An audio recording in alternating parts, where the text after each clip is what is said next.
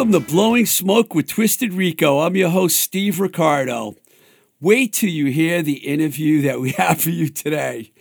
Talk about surprises. Eric Martin from the Neats was going to come down, and he brings Phil Caruso with him, another original member of the Neats, and Rick Hart from Ace of Hearts shows up too.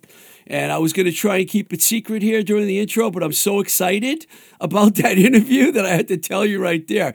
The Neats are like one of the most significant bands to emerge from the Boston scene uh, in the 80s. And we talked about Propeller Records, we talked about their immediate success with Ace of Hearts their bluesy rebirth with Coyote slash Twin Tone Records. I mean, it was a fun interview, and I've been a fan of the band since I was in college radio. So I'm going to play that interview for you in a few minutes. But first, let's talk about the Linda Lindas and everything we know about them so far and why they've generated this enormous buzz. I mean, this is like a bigger buzz than I've seen happen with a rock band in a while.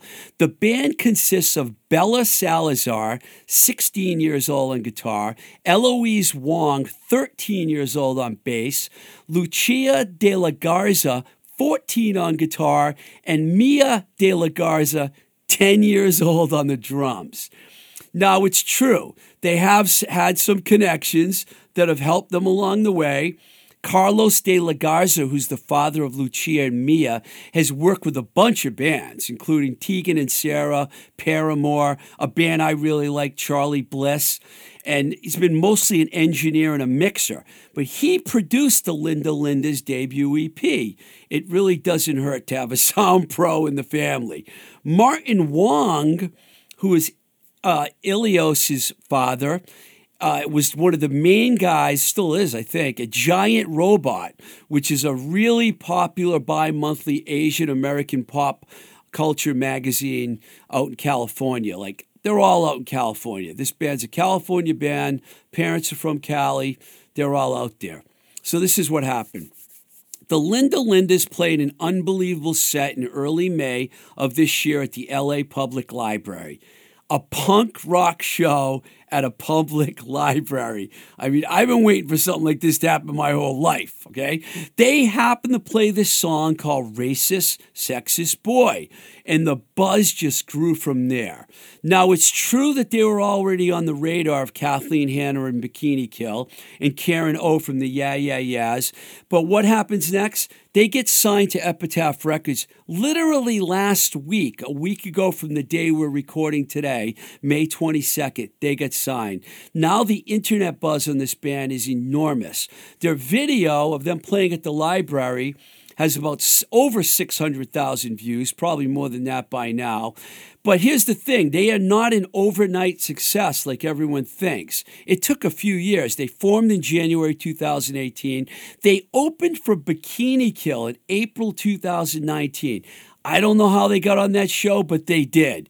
But here's the thing Amy Poehler Yes, that Amy Poehler was at the show. She saw the band and she had them record songs for her film Moxie. And then early May, a few weeks ago, they played the library show and now they're on Epitaph.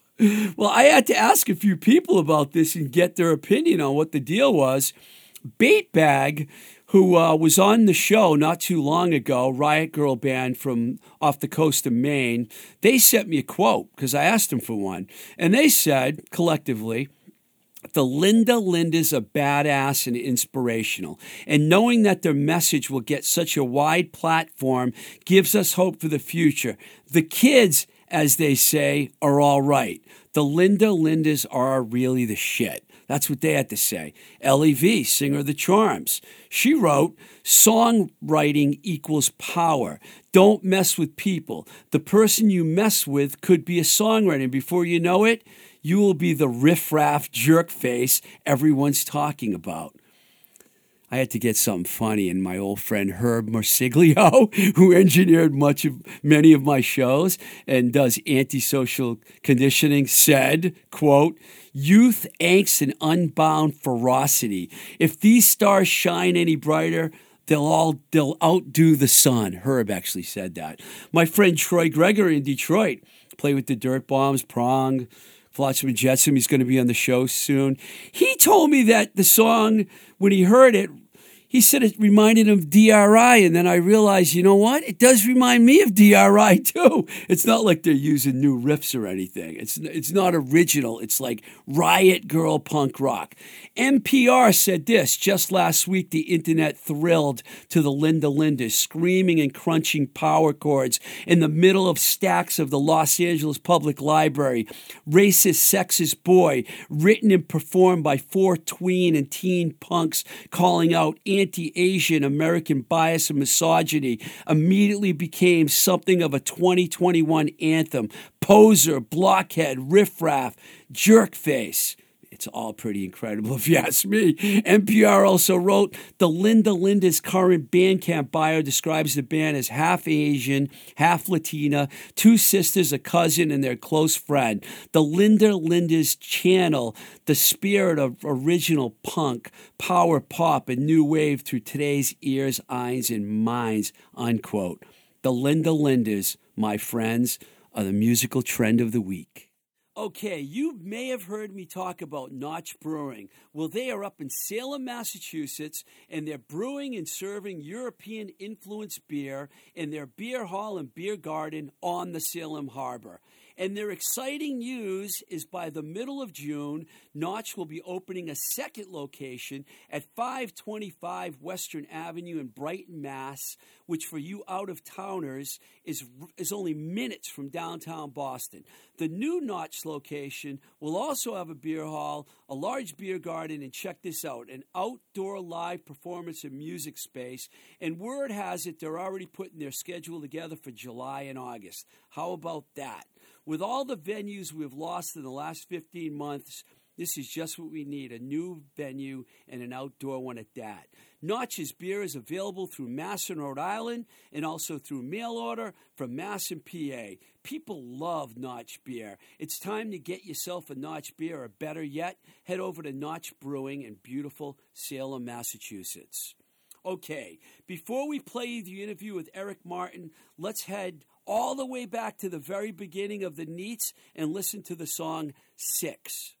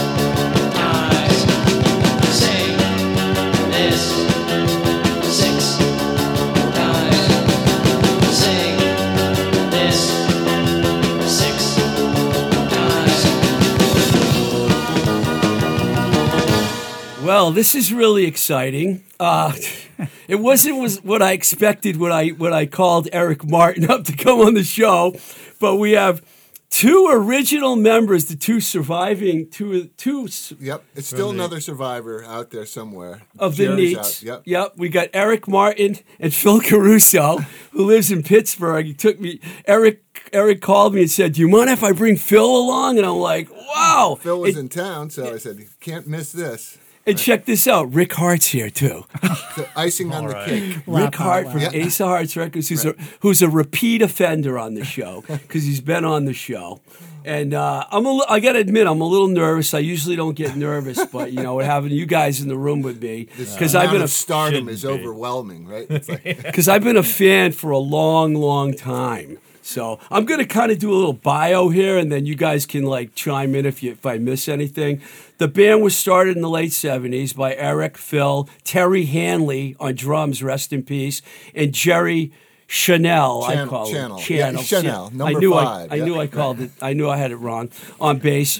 Jerry left the band, and Jay Parham. Did I say his name right? From the Correct. Flies took over for a while. and then David Lee, also rest in peace. Unfortunately, Right. I, I actually hung out with David a few times. He's a good guy. Very Um, good guy. he played on the two records that were on uh, Coyote Twin Tone. Absolutely. Um, this going all the way back. The song Six is where. Uh, you know what we played right before this interview was released by Propeller Records in 1981, and incidentally also is on the DIY Mass Ave Boston Scene 75 to 83 compilation that Rhino put out, which is a great record if you want to hear about record. Boston rock history. It's all there. Now, your initial release on Propeller Product is what it was called.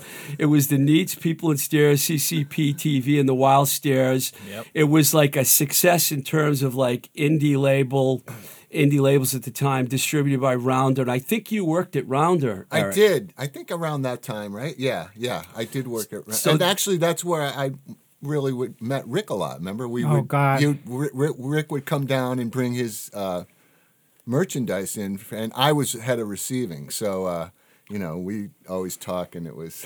it was and that's So we got three ended up. record company guys in the room now. That's good. We've corrupted the whole industry. Um, and that record sold like 5,000 copies, by the way. I mean, that, that's pretty amazing when you think about it. That time that an EP Jeez, with four I, bands. I guess so. I didn't even know that. Yeah. Yeah, I read that somewhere on the internet. It could, it could be. It could be false. No, but I- we're going to say it's true. say it's true. Um, I first saw the band right after Six came out at Wellesley College when I was a, I was the music director at WDJM in Framingham. And uh, me and another guy went there, and we didn't really expect to walk in the room, and there were all girls there, so we didn't really complain. And it, it was like, because you know Wellesley's like famously an all women's college, and um, just going to zoom through this, and then we'll Yeah, go yeah, back. yeah, no, this is- uh, this following the release of Six, I think there were like a couple songs on a Propeller cassette. Do the. Things was one of the songs. Right. Uh, the band got the attention of Rick Hart, who's in the room, and he signed them. And then the Monkey's Head in the Corner EP came out. It had Red and Gray on it, which is one of the great songs by the. You guys have a lot of great songs, but that one's like one of the more famous. Robert Christgau of the Village Voice had his EP on the 1982 Pazz & Jop, whatever that means. Mm-hmm. Critics poll is one of the best EPs of the year. Now, the Village Voice at that time, if you add like press like that, yeah, that meant a lot. Yeah. And then you guys put out a full length album in '83. It had like "Sad," "Another Broken Dream," "Caribou" was on it, all produced by Rick. And then the band went in a more bluesy direction after a little, maybe a little hiatus, and you did two records on Twin Coyote Twin Tone. I'm going to talk about that. And then in 2009, the Ace of Hearts uh, years, the consummate Neats record is what I call it, came out. So let's just go back all the way to Propeller for a second. What was Propeller? Because I can't figure out what kind of a label that was. It was a collective. It was a little like socialist collective of bands. Yeah, it was. it was really, and, and I remember because that was, I think they had a, a thing on the record. You know, do not pay more than whatever for this record. Or I think it, was a, a fixed price I on don't it or something. remember that. At any rate, it was. I don't think any of us, anyone involved in that project, was over twenty two You know, That's or- about right. I, I think Was I there anyone running the label, or was well, it I think that Justin Burrell. or Justin Burrell, and, and uh, of sure how to of, of uh, the Wild Stares, great guy, super. Ah. And Rick Rick uh, did the Wild Stares as well. Both Steve and Justin were really super nice guys when we first started out. We became friends with They're them, and uh, mind mind-boggling Mensa characters. r- really super sweet guys Super. too. You know, Just but they i think they kind of came up with the idea and we all and and this was a bunch of bands that at that time was playing at that club the underground there was a little The scene there right. again no one was over 20 at that place you know uh, i think the drinking age was still or just turned but everyone was grandfathered in you know so and that was a little club up up on right on the corner of brighton and com ave and the, it was you know I think it was an old mob club that had been something. What was it, Sweet Virginias before, or something like that? I don't know what it was, and and the, it, but it was a, it, it was a it only lasted a year and a half. I think February of 1980 to June of 81. but we all lived there, you know. We all lived and. I played have the. Dangerous Birds uh, single that came Again, out. yeah, and they were Propeller. on on Propeller too, right? Yeah. And they were there, you know. Every it was just a it was a fantastic scene as kids, right? That's one of my favorite band names ever. right. They were awesome. Too. Dangerous Birds. Yeah, I'm Yeah. a huge Talia Zedek fan. Ah, I got to she's get her on the show. Actually, I'm, I'm playing with Talia in uh, July at the Midway. So Really? with Richie Parsons. Uh, yeah, it's gonna be that'll be a good. Show. I'm show. going to let you plug all your appearances that you have coming up. Well, they, they're, they're starting to come out again, so which is good. You know. yeah, that's really good news for everyone. So, how did Rick? How did you guys get on Rick's radar? Well, I th- I guess Rick was it through six or I mean you what did you first? I don't know how you first heard of us. both the liars Right. and Neats were um, came to my attention by their prior releases. Um, I saw the band many times. The same with DMC and the Liars, right. but those releases told me that this is for real, and I wanted a part of it. Right. And I remember going to the rehearsal and telling Terry, my God, you're great, but you got to hit the drums. you got to attack them. and uh, we started out like that. Do you Right. remember that? I do now that you mention. it. I wonder And where that first was. When, it was when, up at, I think, Streets maybe. when we were playing a gig or at a Yeah, at a rehearsal. gig. Okay, yeah, yeah, I do And, um, remember that. I do remember. I went and um, I had um, pointers. yeah, which is good. That's what a producer's You guys for. are pretty young in Yeah, I think yeah. I did better though with not offending these guys than I did with Mission of Burma because I threw their de- Mission of Burma's demo tape in the wastebasket. Wow. I don't think you told me that when you and were on I the said, show the last time. Well, it was like uh, it only had one channel of audio on it, and I don't want to hear people's demos. I want to see them play. Right. And that was how every band got signed.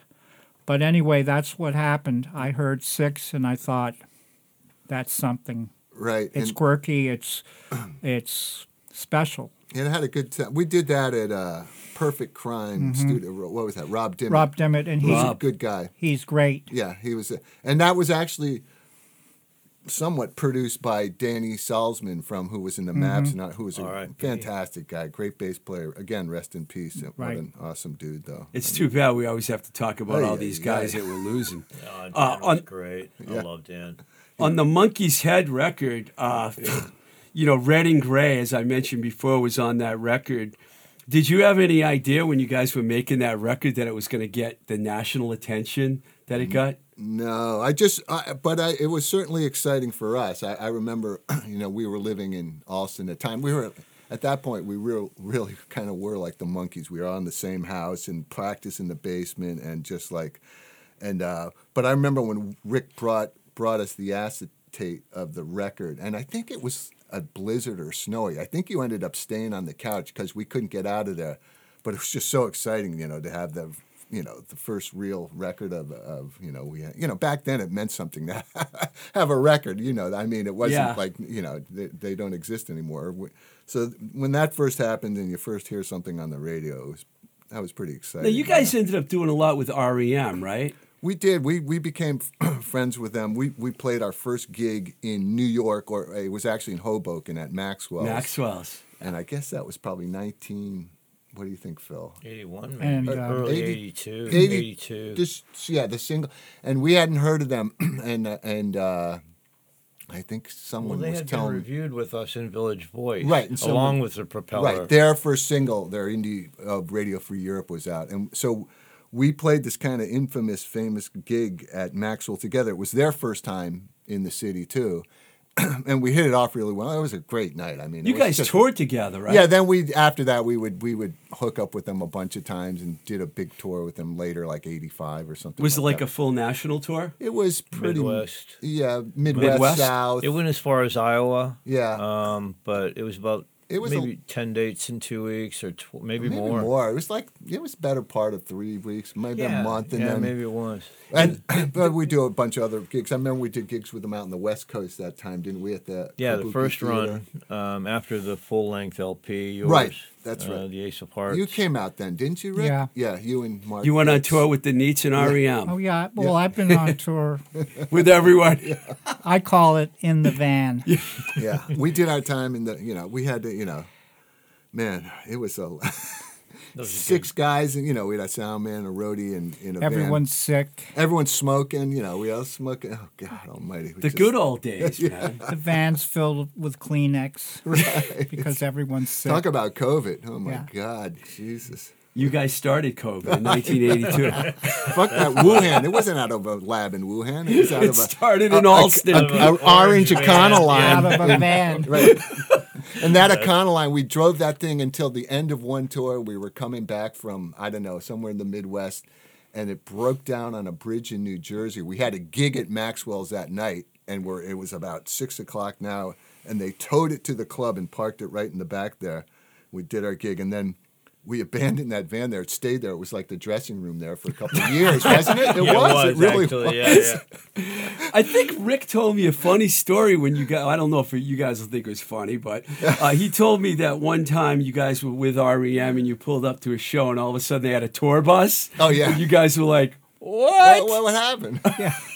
And you had the van. yeah. you still guys had had the the van. They It had was the reversed because originally it was the other way around. right. right. That And we they had- were opening. Right, right. And Oh, we- so they were opening for you guys. I don't know. I don't think I we'd don't ever. think that, we we no. played that gig. In I thought Maxwell's that and- show at Maxwell's they were opening. Mm, I don't think they were, but it was. It could have been kind of co-billed. Or We could say but- they were. Yeah, It's right, okay. yeah, but at any rate, Michael Stipe won't call us, and The you know. replacements opened They for used to us open once. Nice. Yeah, In just Detroit. once. In Detroit. Only one. Okay, so who else did you guys go out with? So you already mentioned You two iconic bands here. I'm trying to remember. I'm trying to think the memories. was We played with a lot of bands. We played with the Ramones. We played with. We played with the band. That was pretty The well. That was- band? Yeah.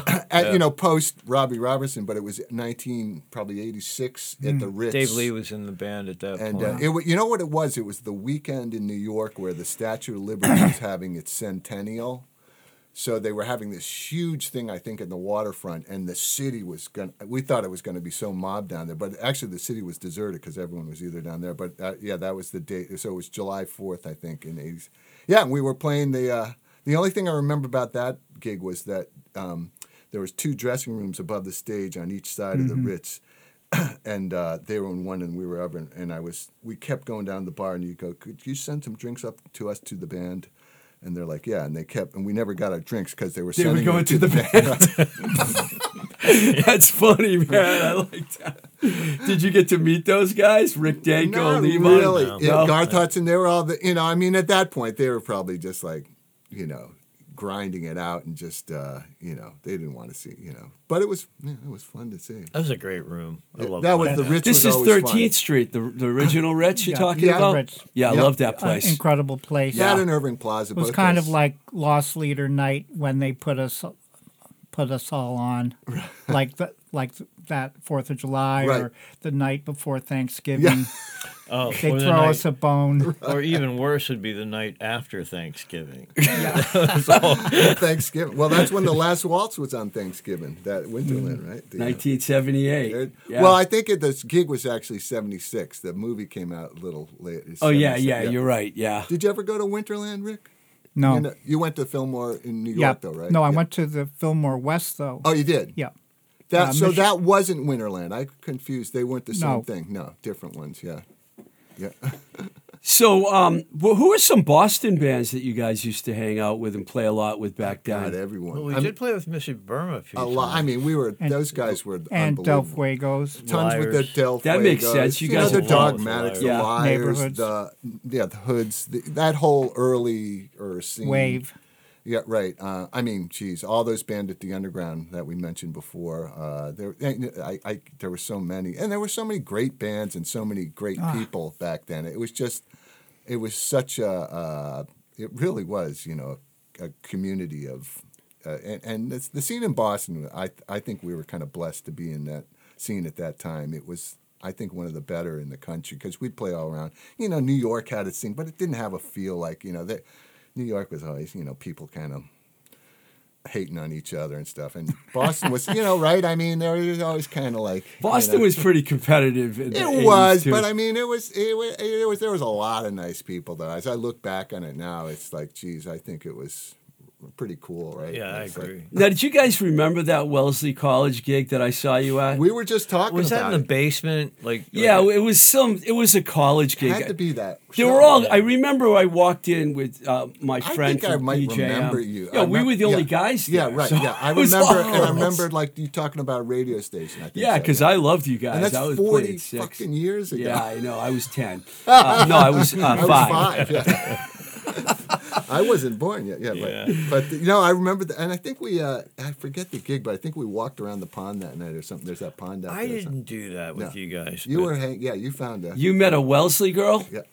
I met uh, Jennifer Meister, who's an amazing Boston sculptor, Artist, and uh, we were friends for person. we've been friends for quite a while since. But that's so- when we first met her. That, Yeah, that- yeah, that was it. yeah. She, So, like- dancing, dancing Jenny. Who she could else dance better than Oh, just yeah. about anybody. Oh my God. She Yeah.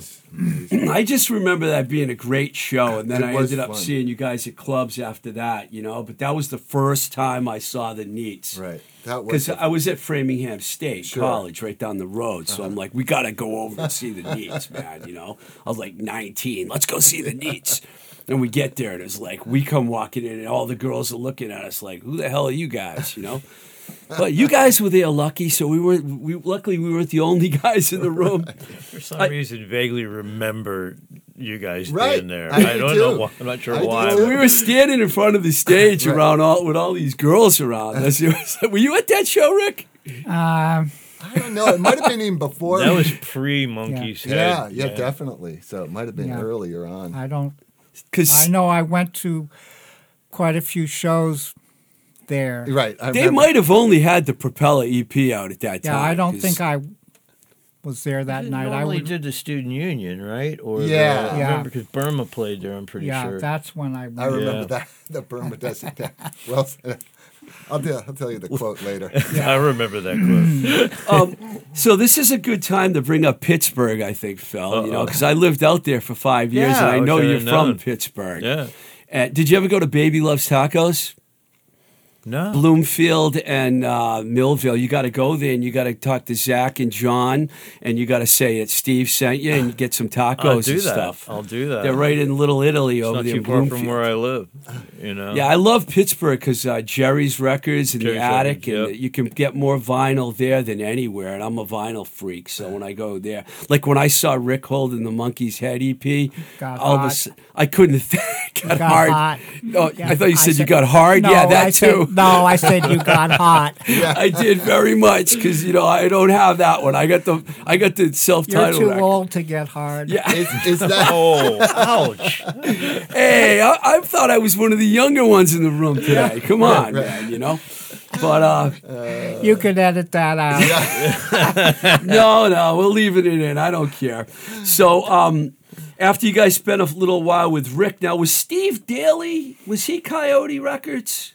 Steve Fallon. Fallon. No, Steve but Fallon. was a Steve, Steve- Daly. Steve Steve Daly. Daly's Yeah. name is on your record. He's on Oh, uh, he was, uh, Crash at Crush. I saw his name on it. I didn't know if he had something to do with it. He was with Caroline Records. He Right. he might have something to do with the graphics on it, or he had Right, he's in some part of the production But I don't of things. Right, but, right, uh, right. But Steve Fallon was the owner of Coyote, who owned Maxwell's as well. That's how we, you know, ended up with him. You know, because Uh, we, we would live at Max. I mean, we would play Maxwell's and probably then once live, a month. then sleep for- upstairs in his apartment. You know, and uh, That was a great scene too. yeah, I it mean, was that, wonderful. That was a, I, love, I met Bob Mould once at, at uh, he was at a Dag Nasty show at Maxwell's, and he was hanging out with the owner. I think they were together at the time. Yeah. Is that Could be. possible? Yep, Yeah, that makes sense. definitely. They Yeah. were together at the time, and I met them, and I was like talking to Bob Mould. I'm like, holy shit. He was saying that night, oh, I'm going to produce Dag Nasty. It never happened, but it was fun talking about it. So you guys changed a lot in that period, and I don't know if there was a break or not, but when Crash Hmm. It Crush and Blues End Blue, those records are total bluesy. Yeah. Way more blues. more rock, yeah, and blues. I'm going to play um, Lover Man at the end of the interview because I love that song, man. Thanks. I love I love both those records. Yeah, so what th- happened? Why did the band? I don't. I. It's weird. I don't. We just I evolved. can't, yeah, we like, well, just. Because bass Jerry playing left. changed. Yeah, Right. and That- we and then we, but we were. I just think we were like listening to like other stuff then, and and it, to me, it's it's funny. It's kind of like you, you look back at other bands that, that like, even like, you know, it's so funny when we started in 1979, 80. It, was like, uh, and we were definitely you know drawing on a 60s garage kind of vibe, psychedelic thing which seemed like ancient history at the time, which it was nine years ago. You know, it's so funny that it 69 days, 79, you know, but back then when you're young, it seems like so long. But you know, look- look at a band like, look at the small faces, you know, and then, you know, they evolved from this kind of that sound into humble pie, Yeah, you know, I don't know. It was kind of like a, Yeah. you know, Yeah, Yeah, I mean, that's a good we both- comparison, actually. But we both came from blues backgrounds. Absolutely. You I, know, mean, I mean, you know, it's fun. Yeah, when we first moved to Boston, I mean, I moved to Boston in, in 78 as well as Phil and Terry. Yep. Where are you from originally? I, Conne- actually, it's funny. Jerry and I are both from Connecticut, down towards the city. You know, oh, like Hartford or no, New no, no, down like you know, Oh, way down New yeah, York City. West yeah, Port. Okay. yeah, West Wilton, West, and actually like where Jeff's from and Clint, they Darien. were from Darien, right? And uh, we, we were from there.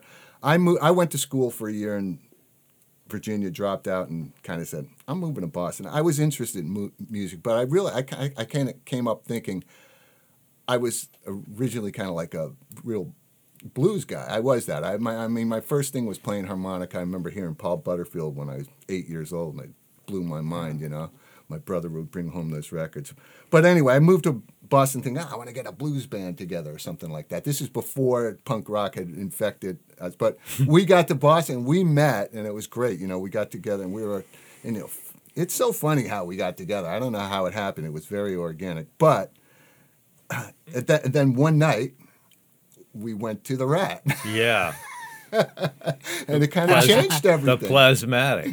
yeah, but- You went to but- see the but More importantly, opening for the Plasmatic was the Classic, Classic Ruins, yeah. which is probably one of the Oh, yeah. greatest. Okay. I mean, and uh, we saw them. One of the best singles on Ace of Hearts. One and one is Unbelievable. less I than mean, I two. love and that seeing song. That Frank one Rowe- killed me. Cart. That, that one killed Good me one. every time I saw him That's play. that's Oh, my one God. of the Yeah. best singles. I mean, you Yeah. know, you got Prettiest Girl and all these other songs Yeah. too, but one and one is less than two. When you hear that, you're like, It's "Holy insane. shit." I mean, the the sound on that, the guitar, the the song itself, and Frank Rowe is just. I mean, he was, i- i- you know. w- Yeah, I love And that this guy. was in the, in the old days at the Rat. You would play, you'd play a full set. You know, three bands play a full set, full set, and then they'd repeat. You know, you do so every. So we saw the Ruins twice that night, and then we we kept going out to see them, and and then discovered that whole scene in, of, of Boston, and then, then we're like, you know, you know Going doing purges of our records love like you know it, we became very kind of I remember the record smashing Right, session we had. we were like all into the we to- totally got into the whole kind of cool rock punk rock scene of Boston and Yeah, you guys really made your mark Never- during that period. And so, so going back to like the the crash at Crush and you know that era and stuff. David had joined the band. Did he have the a blues influence on you too? Is that how it happened? I, Or- no, know he Dave I mean, did like the uh, blues. he- yeah but- I think but- again like we before that we all grew up on that stuff right you know what I did you think about when they changed their style, Rick?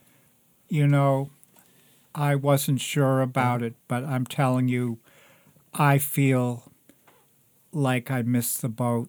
That I wish I'd produced those records Oh, yeah. because those fucking song. uh, Whoops. Yeah. No, you we could can say no, fuck. I I can't help it. Yeah. um, Those fucking records, uh, those songs rule. Right. They they kill me.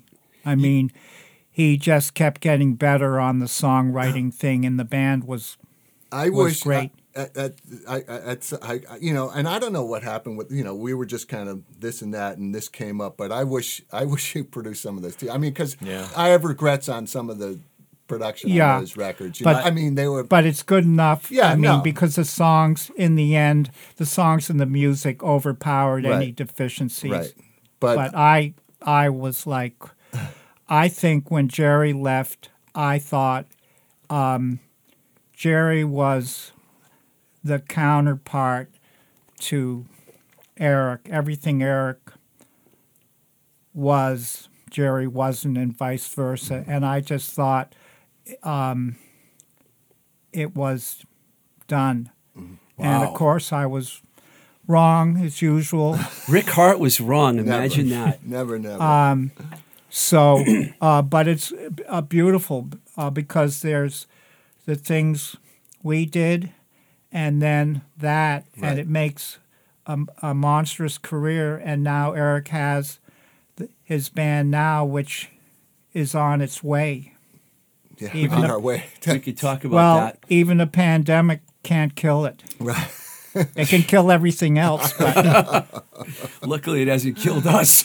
no, I Oh mean, man. where's my T-shirt? So, Yeah. so is is that why you decided to put out the uh, Ace of Hearts years? Because you felt like you missed out on something there, so you wanted to, you know, put out a, the compilation? Because there are like 22, 24 Well, I mean, songs on there. That that was just so um, needed because the vinyl, right. the era for vinyl, people were, you know, they were dissing vinyl and, and it disappeared.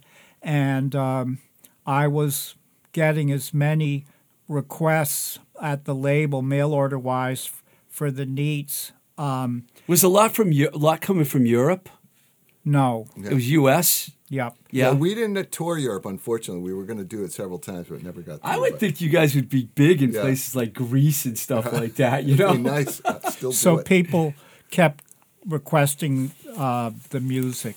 And um, so it needed to be it reissued. needed I loved it when I got it that was record. timely. So Eric and I got together, and uh, Jane My wife helped with the design. didn't help, Right. made the design Right. what it was, and um, Jane Martin. Yeah, Yeah. she's a and she's been a designer for you know she I worked saw her at the- name on the She worked for the Globe uh, for thirty years designing pages. And so- now works at the MFA. So the three of us. I had all the original masters. I went back to Sterling, that was that was the big thing. And worked the on it. remastering was pretty worked amazing. on it hard. Yeah, and um, uh, it came out. And I need to say, um, he's getting mechanical royalties constantly because never Right in front of my eyes a couple of minutes ago. well, That's the nev- first time I've seen a Yeah, label well, hand a band a you like check. that? Right. And I used to work for labels, but I never handed any bands any checks. Eve. But just- never, never a day goes by when there isn't a request for this um, good. CD. So um, these guys, Mission of Burma and the Lyres, even Bird Songs of the Mesozoic, they pay the bills. You did tell me uh, when you were on the show that uh, Monkey's Head was your favorite uh, out record on the label. You I- did say that. I think uh, it was the best experience I ever had in the studio. that was fun. with a band, number one. And number two, it may just be my own personal taste or sensibility, but this, I feel, is the best. Rick's holding the record up the best work, for our listeners. the best work I ever did. Where was that photo taken? that was in the base Basement, of, of a house. What was the 156? Kelton Street. In what Alst- neighborhood is that? In Allston. Allston. Allston. Everything happened in Allston. Upcom Ave, Upcom Ave. You remember the old El Phoenix room? It was a Mexican restaurant. Yeah, that's the only thing The I can El El remember. Phoenix. Phoenix, yeah. but it was uh, yeah, th- and that was the house that burnt down.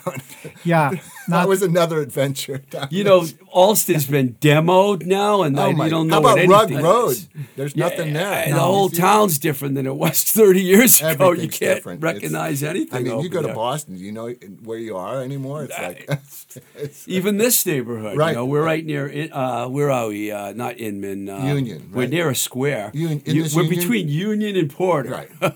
Somerville for all you people out in California listening. which I can never. I, I know Boston like the back of my hand. I come to Somerville and I'm still Yeah. totally lost. I felt lucky to get here. I mean, too. Yeah, there's a farmer's market going on. I got the whole road it's blocked only a quarter mile wide, the whole town, and and there's several one way streets, and you can't get off. And once you're on one, you like. they can't be- Were there any bars here that you guys were playing in back in the old Yeah. days? Jasper. Was it Ja- Jaspers. Jaspers, Yeah. Jaspers, and Jack mm-hmm. was it? J- No, Jax was on. Yeah, Jax was on Mass Ave. That there was yeah, another Jaspers one. was over here. Jumbos? You ever played Jumbos? Probably. They were up in Teele. Square. Right. No. It's a dentist office now. Great. I believe it or not, I went there when I was in college to a show. Don't ask me why. I mostly went to the Rat. You know, I never made it to the Inn Square Men's Bar because I Oh, was that like, was a that was a great like- club yeah. too. There was so, so many fun clubs back. The club, Remember? yeah, the club was good. the. Summit Lounge. Remember we played uh, Thursday night at Inn Square, and we didn't realize it was a two o'clock bar. Oh. And and I we don't played three sets, right. and Pylon was there. Uh, were they oh playing? wow. No, they came and they Oh, got wow. on stage after us. I think they played for With one of our sets. Oh, that's so funny. I think I do remember. And I thought that was so cool because we're like, we're done, and the bartender's like, No, well, you're it's not. at two o'clock. But That's yeah. the S&S Deli now, right? In Yeah, Cambridge. yeah. yeah, for a oh man, that was a That was a before I left, Wild you know? The Violent Femmes played there because I remember when Yeah. I did an interview once with Gordon Gano, and he was talking about the the the bar that became a restaurant in Right. Inman. I had no idea what he was talking about, and then I asked somebody afterwards, "Oh, the Inman Inman Square Men's Bar." And I'm like, "That was the name of the place." yeah, yeah, it was a great bar. Ladies invited though. Ladies invited. So um, you guys like uh, I know it's kind of sad because you know Terry Terry's gone for and uh, twenty years now. he was over at the Hoodoo Barbecue, wasn't he? At the Rat as Yeah. a cook, chef, for or years. with James Ryan, who ran the place, and everyone worked there. I mean, gosh, Everybody Wayne, work- Wayne. Randall, Johnny Angel, Everybody Marie went Stoner worked there. Stoner, didn't wor- he? everyone w- worked in this kitchen or in the bar, scruffy and it was, you know, again, that was another place. We just lived there Kinda, yeah. during the time every day. Rick, we'd Every- go down and have the cheeseburger, Yeah. the pill. Give me my pill, right?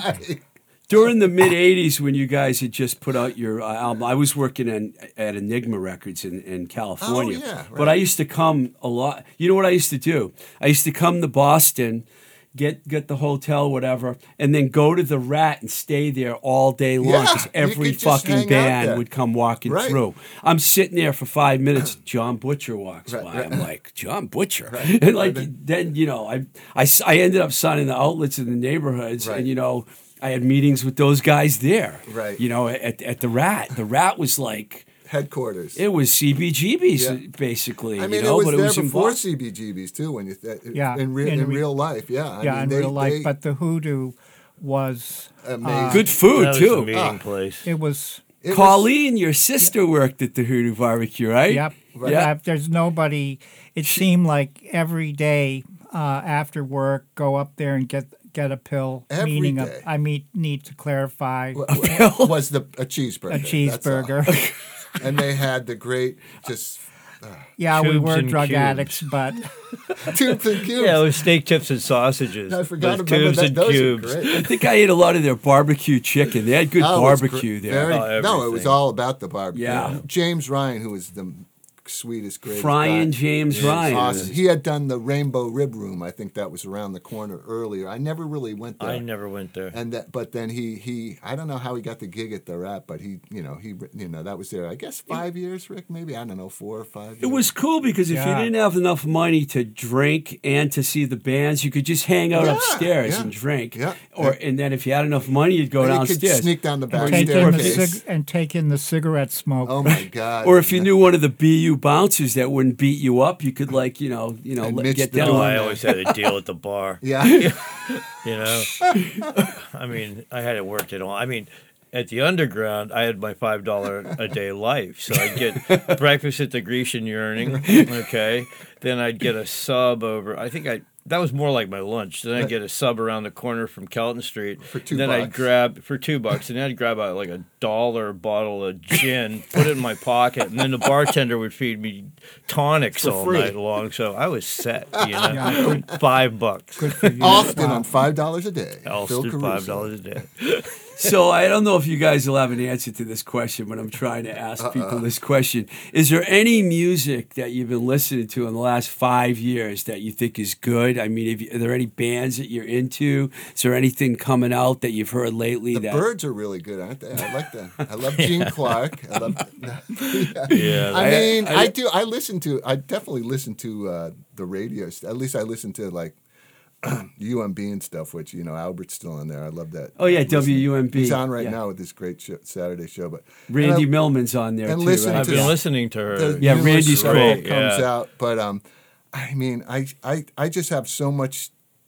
Whenever I'm listening to music, though, I'm always going back to you know studying old things over and over again. Who's your all-time favorite? I don't know, man. You said the Byrds first. No, I, I may have loved the Byrds. I mean, uh, with as Rick would agree, I love the elevators. You know, the, I love all the. you know what I've been listening to now is a lot of the old Spirit records. Did you like this? Spirit. Yeah. great, man. And then uh, Norman Greenbaum is that? No. no, no. Oh, no, I'm thinking of Spirit Randy in the Sky. California. Right, Yeah. right, right. Sorry, man. That's all You better, Wrong you spirit. better edit that out. but you know all that. Nah, we don't edit anything out. I say stupid just things every show. the sound of the the, the yeah, I think Rick would agree too. This just the sound and the production of those old records are just you know. You can study them forever and never and never figure them out or never get tired of them. And and uh, I just think there was when they really made records. It was you know and records sound great now, but I, I don't know if they But there's nothing that catches your ear. Well, no, there is. I guess. I just, I, I guess, uh, you know, it's like a cup of water kind of gets filled up and overflows after a while. They're you all know, sourced in from digital masters. right? You know, Every one of them. and They're not organic. and it's, uh, it is amazing. You know, on, on my phone now, I can record a friggin' record, but I don't know if you want. It's, it's like it, it's just. It was I. It was uh, so meaningful to work in a studio together and play things as a band live. I don't stuff. think Rick would record without a, a two-inch tape machine. No, right? You know, no. I record with um, a two inch tape, but I have a Pro Tools session that runs simultaneously Right, to have it. because the bands aren't rehearsed like they used to be. So I take it you're not listening to any new music. I don't know how new it is, but I'm ready to listen to the new PJ Harvey record. Oh, I love and, PJ And Harvey. there's Yeah. not a song that she's ever put out that doesn't just turn me into mush. Right. Yeah. I love Polly Jean Harvey. I That's a mean- good she one. Um, She's got a new record, huh? That's what I'm saying. Yeah. So I'm saying there's. I mean, there's. I'm not saying that everything was great then and it's shit now. I'm saying that the world is full of music and it's great, but it's buried by corporate crap. Yeah. Buried so they play the same eight songs every time and Well, you have radio is non-existent. yeah. I mean, let's face but you it. have to dig. But even on Right. um, all the Right. internet stations and stuff, their formula. Right. Oh, absolutely. I have been digging WUMB. It's a I've cool. I, I mean, here. it's And still a real radio station, and they have disc jockeys, and they, you know, it's. You must have listened to WYEP in Pittsburgh Yes. a little bit. Yeah. yeah. Pittsburgh. Uh, not a lot of huge bands come from Pittsburgh, No. but the people there are very passionate. Oh, yeah. it's beer. You know, it's food. You know, Punk- Perman and rock and rockers. Good Rock- punk rock. and rock and punk- rollers Yeah. in general. I mean, that's a good rock town. The Cheats, man. You know the Cheats. They're keeping the Pittsburgh alive. You know, No. I signed a band from Pittsburgh to Metal Blade called Eviction. This was in uh, uh, right around the time that you guys were on Twin Tone. Oh, actually, a little later. It was Check like out 80. Mower. Mower. Mower. Yeah, So you do know a new band from Pittsburgh. I do. New word. right? Yeah. Yeah. No, I, you know, Do you know Dwayne Bruce? Yeah. He has a show in Maine um, American uh, Debauchery puts out an edition every Friday. He plays some Cool. I found th- fucking great stuff. Yeah. there's And this app that I found that I put on my phone.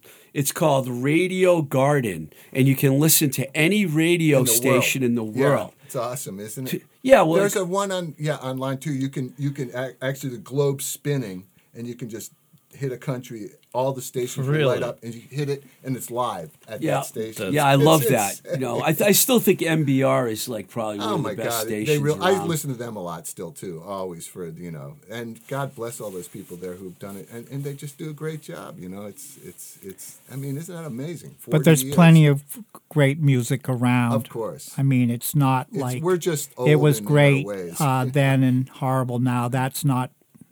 I would never repeat. I wouldn't say that I would either. never but, say that. It's.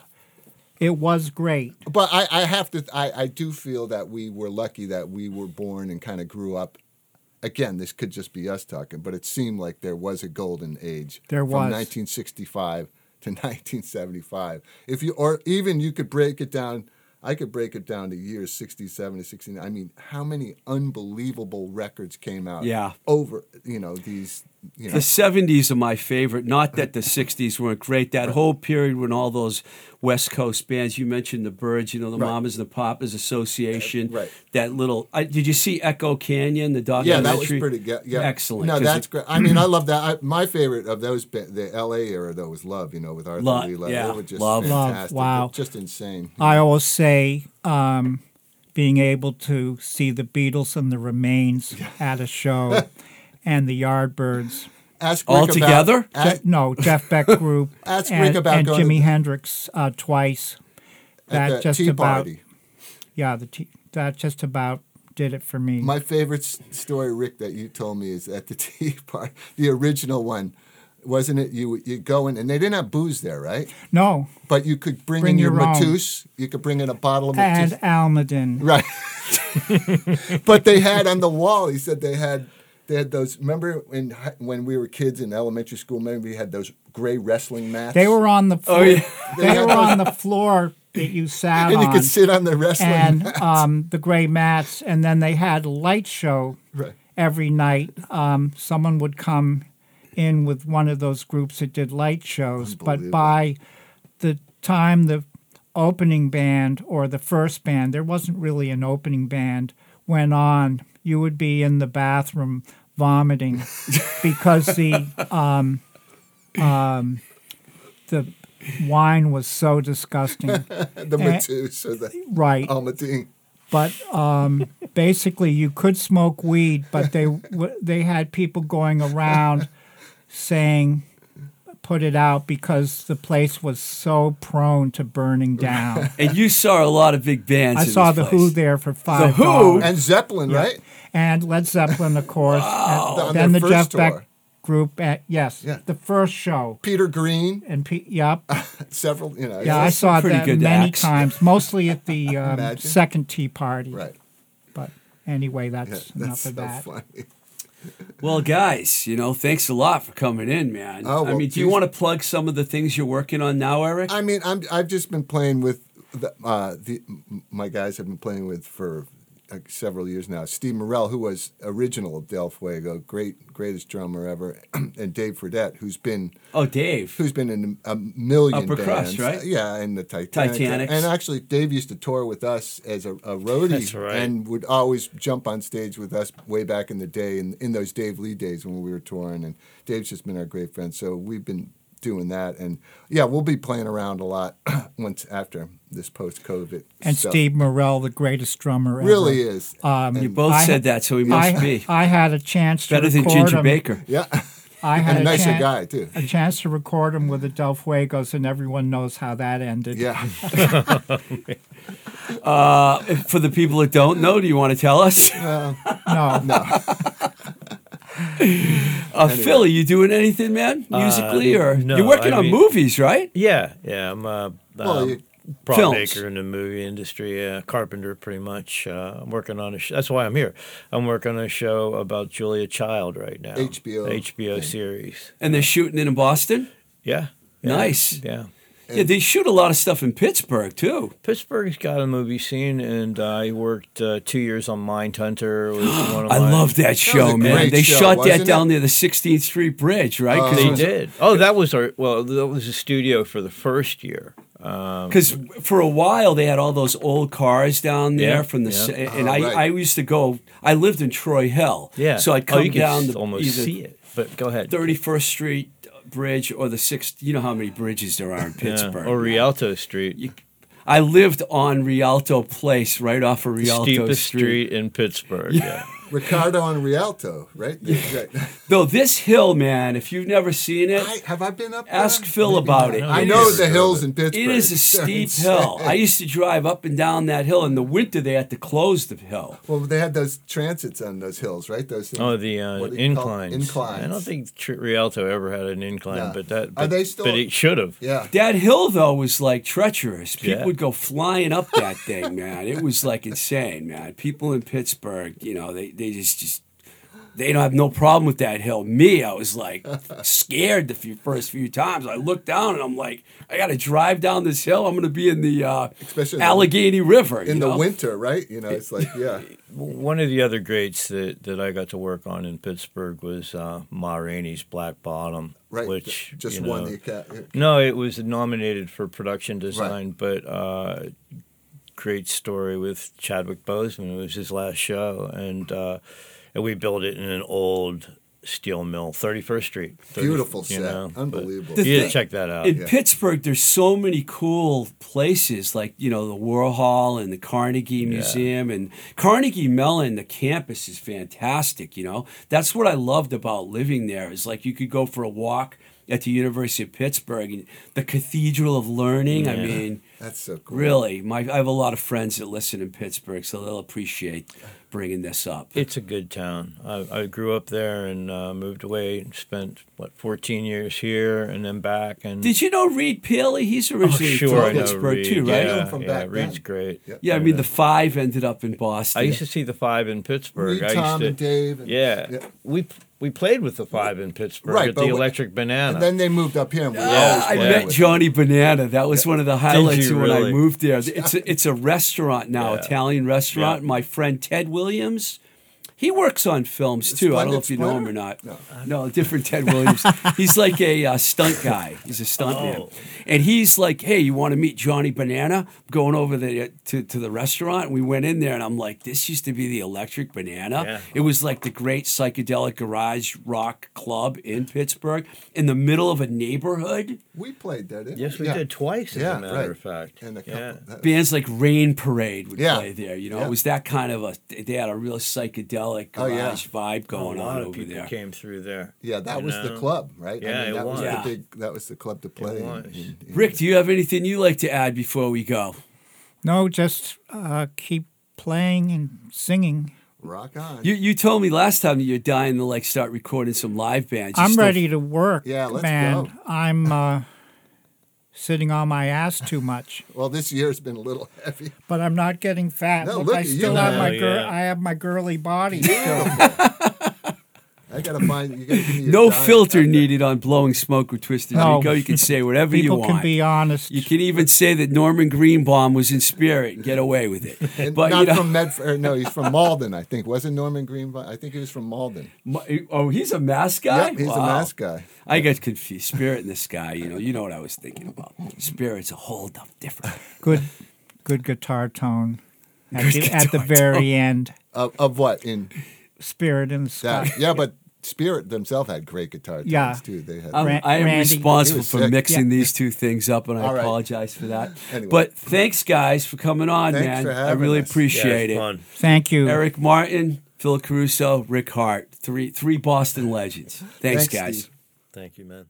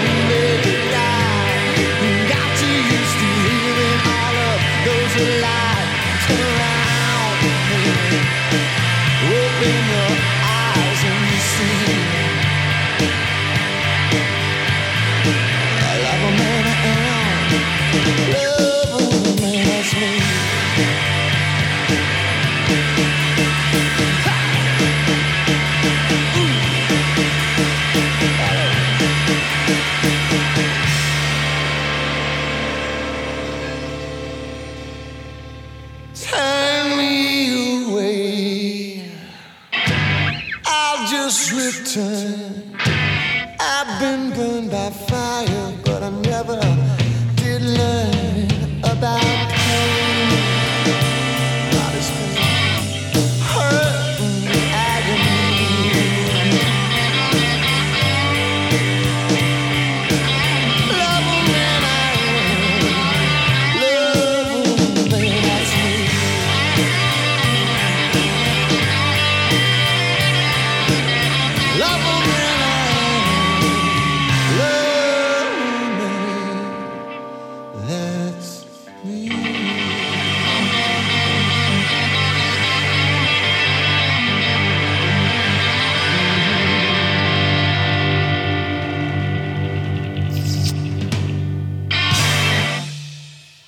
tell you one more time about Notch Beer because we're really excited about their new location that's opening at 525 Western Ave in Brighton because they're going to have an outdoor venue. They're planning on having shows in July and August.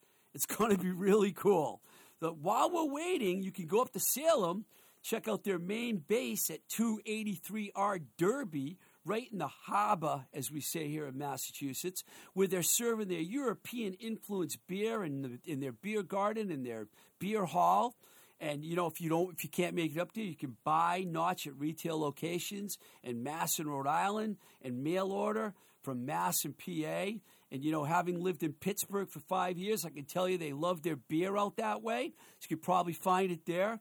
Get yourself a Notch; you won't regret it. All right, wow, what a show! I'm I'm just like, whew. Lover Man was the track, by the way, played before that Notch spot. Uh, the Neats, what a great band. What a great band. I was so happy to have them and Rick Harte in here. You have no idea. One of my favorite shows yet. All right, before we go, I just want to remind you we have a Patreon page, patreon.com forward slash Twisted Rico, and you can reach out to me as many people have at twistedrico at gmail.com.